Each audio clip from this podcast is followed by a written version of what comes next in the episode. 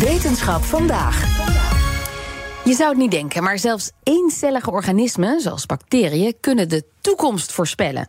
En hoe goed ze daar precies in zijn, dat hebben onderzoekers nu uitgezocht. Wij gaan daarover praten met wetenschapsredacteur Carlijn Meinders. Hey Carlijn. Hoi. Ja, uh, vergeet de waarzeggers. Ik had hier nog nooit over gehoord. Bacteriën die iets kunnen voorspellen. Ja, dat klinkt bizar, hè? Uh, AMOF-onderzoeker Age Chalma vergelijkt het even met ons mensen. Dan wordt iets duidelijker hoe bacteriën dit doen. Het niveau van voorspellen waar wij een beetje over nadenken, bij mensen bijvoorbeeld. Uh, wij kunnen, als we de straat oversteken, kunnen we voorspellen of we aangereden gaan worden door een auto. Door gewoon naar die auto te kijken. En dan zien we hoe ver weg hij is, hoe hard hij gaat. En dan kunnen we voorspellen van, oké, het is veilig om de straat over te steken. Die informatie over die auto die slaan we op in onze hersenen. Uh, terwijl die bacteriën, die hebben natuurlijk geen hersenen. Maar die hebben wel uh, allemaal chemische reacties in hun cel, een biochemisch netwerk noemen we dat. En daarin kunnen zij ook informatie opslaan. Eigenlijk door al die chemische reacties kunnen zij een meting maken van goh, hoeveel van dit suiker is er nou? Uh, en verandert die concentratie ook? En dat slaan ze op in dat biochemisch netwerk. Behulp van het biochemisch netwerk maken ze vervolgens zo'n soort voorspelling van goh, ik moet die kant op voor meer eten of ik moet hier blijven. Ja, dat is echt bizar, klinkt dat. Ja, uh, vind ik ook hoor. Uh, en nou waren er al experimenten gedaan die dit lieten zien, dat bacteriën dit überhaupt kunnen. Nu was de vraag, hoe goed zijn ze hier inmiddels in?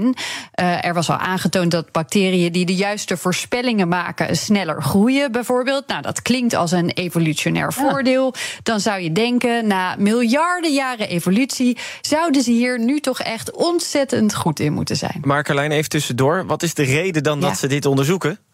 Ja, dat is een logische vraag. De reden is eigenlijk zoals vaker, zeker in de biologie, begrijpen en benutten.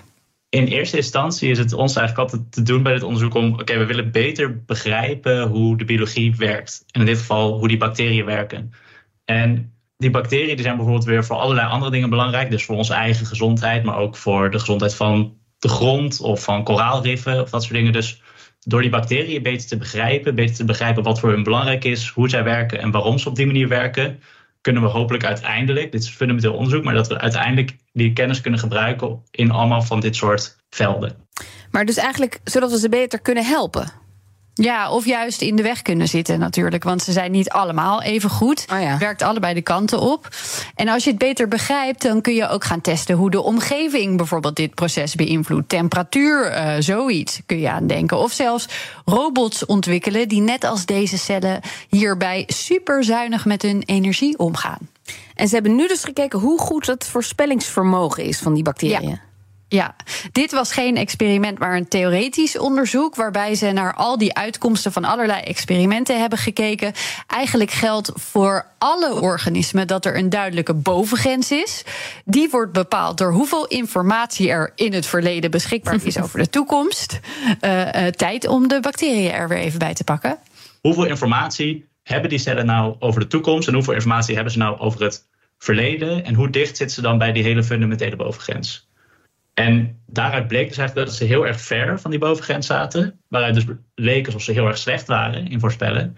En dat was voor ons best wel verrassend. Want ja, wij zijn gewend om te denken in termen van evolutie. We denken, goh, als dat voorspellen nou handig is voor die cellen. En ze krijgen er een evolutionair voordeel van. Dan zouden ze er ook best goed in moeten zijn. Maar dat bleek dus helemaal niet het geval. Totdat we ook gingen kijken naar, goh, wat kost dat die cellen nou om te voorspellen? Maar in eerste, instantie leek het dus, in eerste instantie leek het dus dat ze er gewoon heel slecht in zijn. Ja, ja dat klopt. Uh, maar toen zijn ze dus gaan kijken naar, ja, je zou het het beste, denk ik, de prijs-kwaliteit verhouding kunnen noemen. Welke informatie uit het verleden heeft de hoogste voorspellende waarde? En dat bleek de informatie die het meest recent is. Uh, dus bijvoorbeeld bij het oversteken van de weg kan je voorstellen, als ik weet waar die auto nu is, hoe hard die nu gaat, dan heb ik daar veel meer aan dan wanneer ik weet waar die 10 seconden geleden was. En dat geldt voor die cellen eigenlijk ook. Wat wij dus zagen is dat ze toch wat langzamer werken, omdat die informatie goedkoper is eigenlijk om te verzamelen. Het is heel moeilijk en heel duur in termen van dus eiwitten en energie, eigenlijk een soort van het budget dat cellen hebben, om dan hele recente informatie te verzamelen. Dus wat we zagen dat die cellen deden is, ze deden dit wat langzamer, waardoor ze meer informatie konden verzamelen in totaal. Maar elk stukje informatie had een minder voorspellende waarde. Dus zij kiezen eigenlijk voor de informatie met de beste prijs-kwaliteit verhouding. Ja, dat klinkt dan weer heel slim. Ja, ja, als ze het budget dus van deze bacteriën meenemen in de berekeningen, de eiwitten, hun energie, dan doen ze het eigenlijk zo goed als ze kunnen. Dus dat onderschrijft dan toch wel weer dat het nuttig voor ze is, evolutionair gezien. En gaan ze nog meer onderzoek doen? Ja, Chalma zelf wil nog wel kijken wat ze nou precies met die informatie doen. Op welke manier het dan in hun voordeel werkt. Maar je kunt ook denken aan dit bekijken in grotere organismen, mhm. complexere, eencellige of meercellige of meerdere bij elkaar. Is dat budget dan vergelijkbaar? En maken ze bijvoorbeeld ongeveer dezelfde prijs-kwaliteit afwegingen? Toekomstvoorspellende bacteriën. Dankjewel, Carlijn Meinders. Ook Harm Edens vind je in de BNR-app. Je kunt BNR Duurzaam niet alleen live luisteren in de app, maar ook terugluisteren als podcast, zoals al onze podcasts. En naast dat de BNR-app Breaking News meldt, houden we je ook op de hoogte van het laatste zakelijke nieuws. Download nu de gratis BNR-app en blijf scherp.